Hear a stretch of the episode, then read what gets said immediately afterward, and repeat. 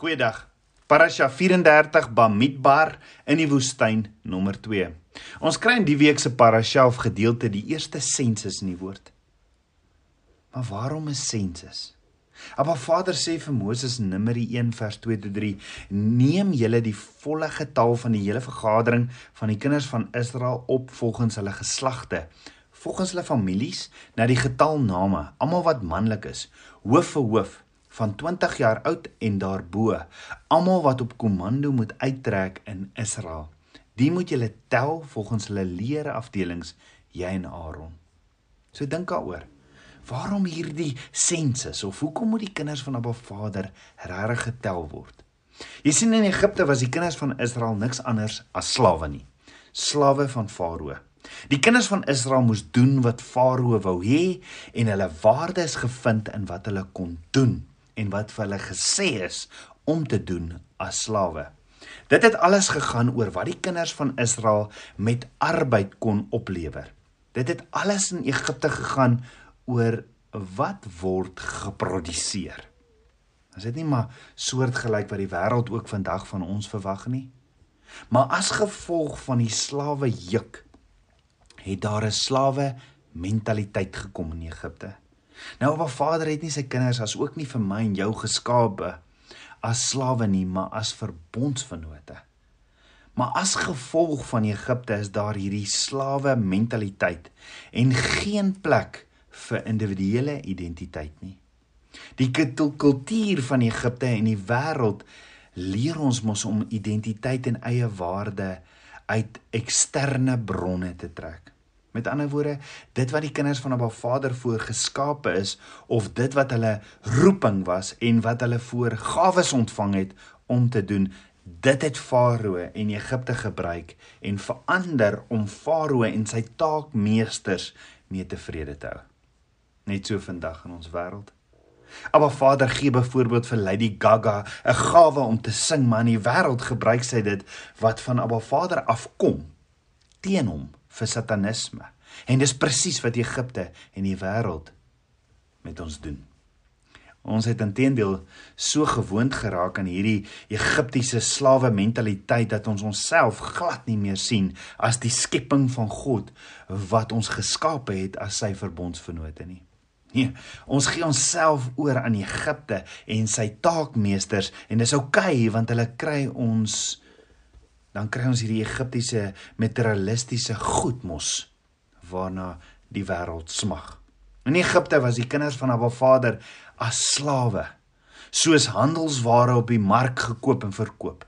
Hulle was soos beeste gegroepeer en van plek tot plek verskuif volgens die funksies van die koper.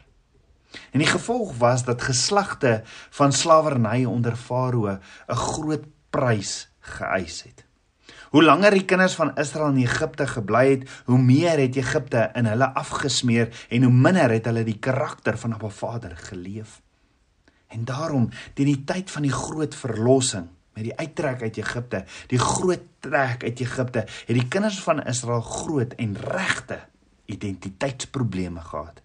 Want wie was hulle nou? Wie was hulle?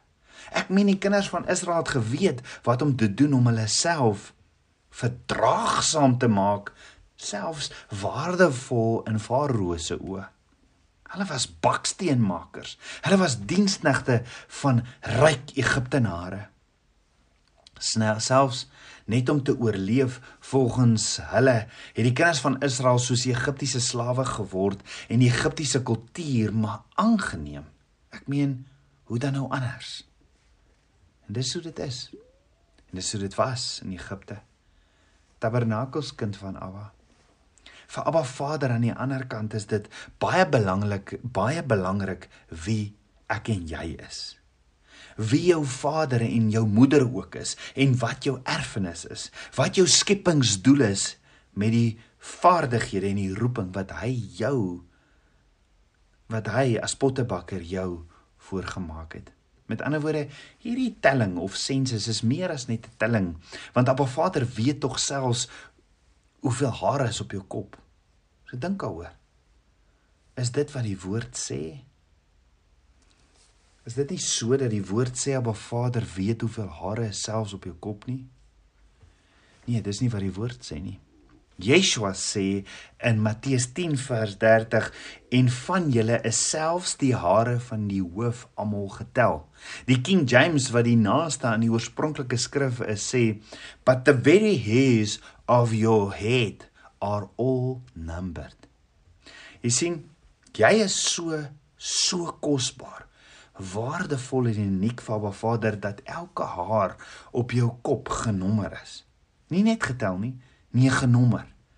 As jy jou hare kam en een haar val uit, weet Abba Vader haar nommer 13923 is so pas uit jou kop uit want jy is kosbaar, jy is waardevol en jy's uniek, uniek vir Abba Vader. En daarom het hy geweet hoeveel kinders van Israel daar is, maar dalk is daar meer. Abba Vader is die goeie herder en weet presies hoeveel skapies het hom uit Egipte gevolg. Ek meen dink daaroor.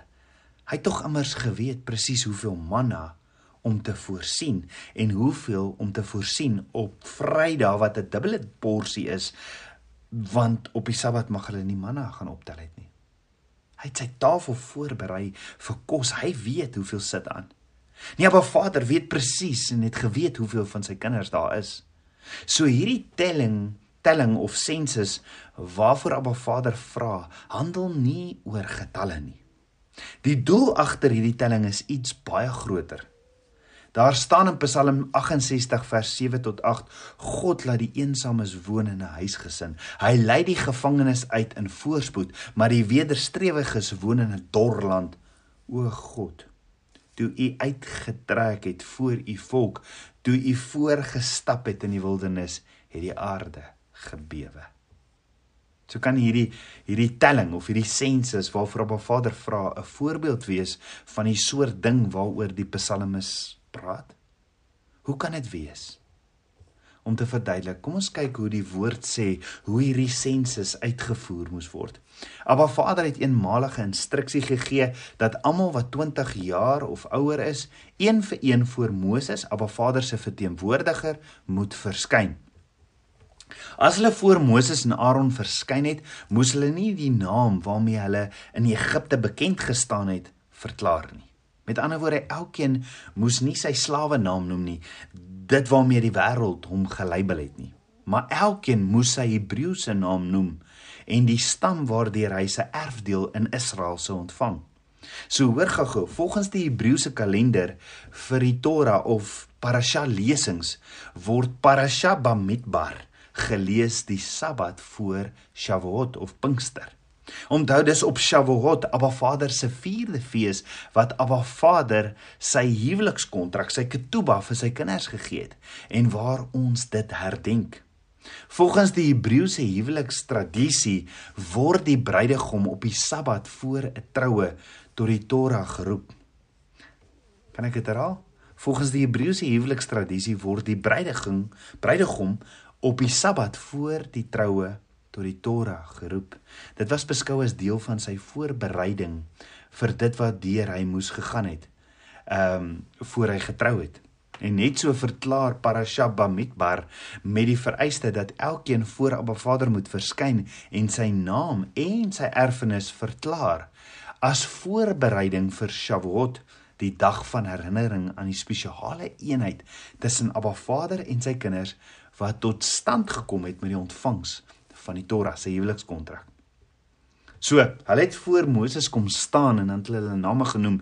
Byvoorbeeld Joshua, Joshua se voorbeeld het voor Moses kom staan. Ehm um, Moses Abba Vader se verteenwoordiger en hy het gesê ek is Joshua die seun van Nun uit die stam van Avinadab uit die stam van Efraim die seun van Josef die seun van Jakob die seun van Isak en die seun van Abraham Hierdie sou nooit in Egipte gebeur het nie. Nee, jy sien, Appa Vader weet wie jy is. Hy weet hoeveel hare op jou kop is. Hy weet wat jou roeping is. Hy weet wat jou talente en jou vermoëns is. Hy weet wat jou erfporsie is en wat se beloftes hy vir jou het. Maar die vraag is, weet jy? En die wêreld stel glad ook nie belang nie, maar weet jy Maar Vader het met hierdie sensus of telling op 'n bonatuurlike wyse aan elke persoon openbaar wie hulle regtig is in sy oë. Hulle is nie slawe nie, hulle is verbondsvennote. Hulle is op 'n Vader se kinders.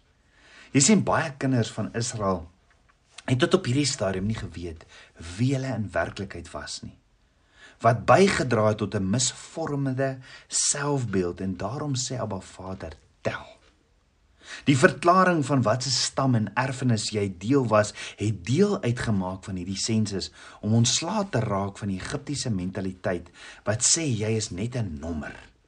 Jy's 'n slaaf of jy's 'n baksteenmaker. Hierdie telling of sensus het dus 'n integrale deel van 'n Vader se verlossingsproses uitgemaak. Want sien is belangrik om te weet wie ons is in Abba Vader, wat se beloftes hy oor ons het en wat se roeping en gawes hy vir ons het. Abba Vader het nie net verlos ons verlos uit slawerny nie. Nee, hy roep ons as 'n priesterlike verbondsvernoot of vernote. Jy sien verlossing moet die vernuwing van die gees sowel as die fisiese redding van die liggaam insluit. So hoor gaga. En dit is nie die funksie van 'n kerk nie.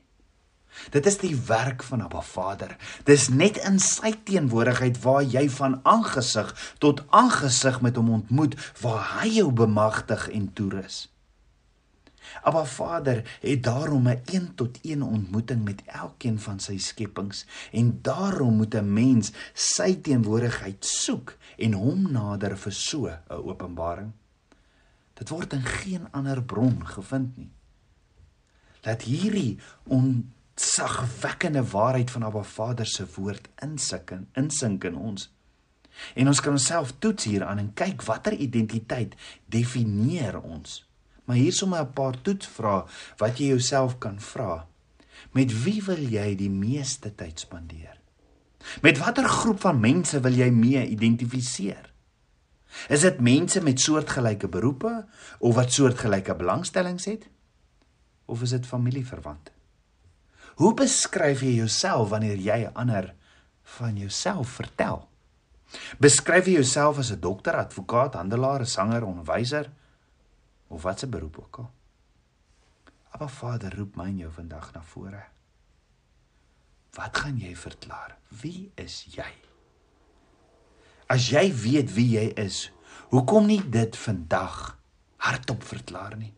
As jy nie weet wie jy is nie, hoekom nie vandag voor Abba Vader buig en sê Abba, ek weet U het my geskape. U is 'n lewende God, die God van Abraham, van Isak en Jakob. Vader, ek wil U nader. Ek smag na U teenwoordigheid.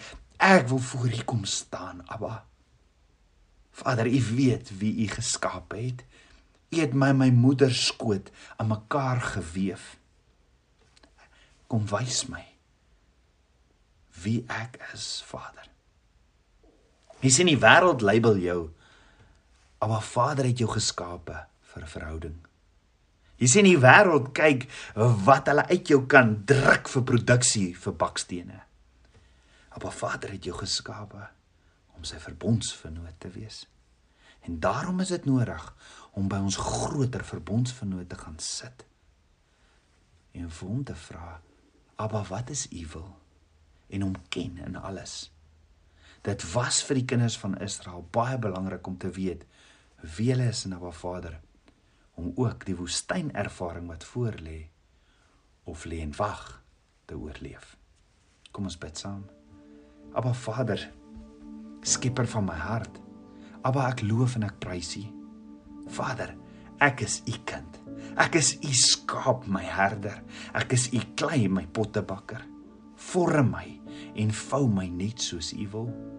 Spreek U woorde, U diensknegt luister.